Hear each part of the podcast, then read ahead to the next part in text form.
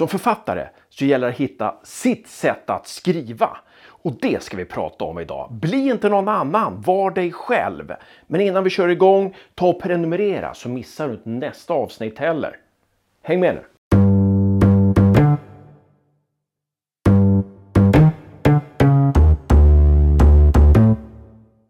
Många pratar om att hitta sin egen röst. Jag måste hitta min egen röst. Men det här tycker jag är lite metafysiskt. Vad då hitta sin egen röst? Som att det skulle finnas en röst där borta som du ska hitta. Nej, den finns redan hos dig själv. Skriv som du skriver. Bli inte någon annan. Visst, det är jättebra att härma författare, att imitera författare som du gillar. För det kan hjälpa dig att skriva som du vill skriva.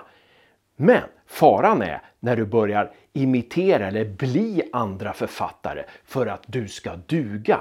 För att du tror att ditt eget skrivande inte räcker till. Det är där det kan gå fel. Jag vet själv att jag en gång i tiden var väldigt fascinerad av Michael Axelsson och började förändra mitt sätt att skriva. Då sa min förläggare till mig, men vem är det här? Du håller, du håller på att tappa dig själv, vad gör du? Jag vill höra Hans Carstensen på sidorna. Och då insåg jag att Maj-Gull Axelsson är jättebra, men jag kan inte bli henne. Jag måste bli mig själv. Och hur blir jag mig själv? Hur kan jag hitta tillbaka till mig själv om jag inte vet vad mitt sätt att skriva är? Jo, men du vet vad det är. Gå till din e-postväxling, gå till dina sms, gå till dina anteckningar. Där har du skrivit som dig själv. Det är så du ska skriva. Du ska inte imitera, du ska inte bli någon annan. Jag har haft många skrivarkurser med kursdeltagare som skriver sina romaner och jag känner att nej, det här är inte den roman de ska skriva. De försöker bli någon annan. De försöker härma det de tror är litteratur. Och så gör jag en övning om något helt annat. Kanske en snabbövning på 10 minuter och då bara bländas jag av deras kreativitet och deras idéer.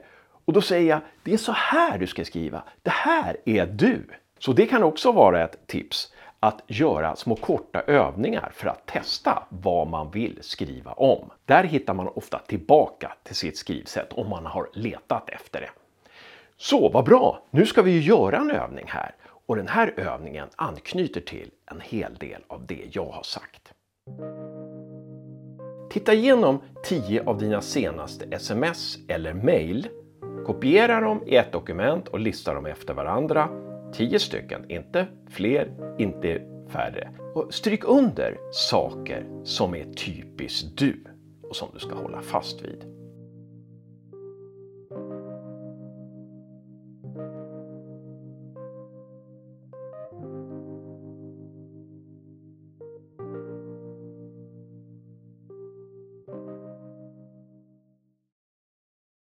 Det här är alltså jätteviktigt att hitta ett skrivande som du trivs med. Där du inte hela tiden klankar ner på dig själv och vill bli någon annan för att du tycker att du själv inte duger. Och som sagt, det kan vara bra att härma författare, att imitera författare du gillar.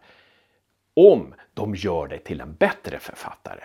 Om de hjälper dig att hitta så här vill jag skriva om du läser om en bok hela tiden, om du läser om ett kapitel i en bok hela tiden, om du ser om en scen i en tv-serie hela tiden. Då finns det någonting där som är du. Det är ingen slump att du återvänder till det. Så där kan du också leta. Så försök inte att vara duktig när du skriver, att skriva som du tror att litteratur ska skrivas. Nej, var dig själv. Vi vill ju höra din röst, din frustration, din önskan, din kärlek, dina känslor. Släpp loss dig själv helt enkelt. Lycka till med romanen.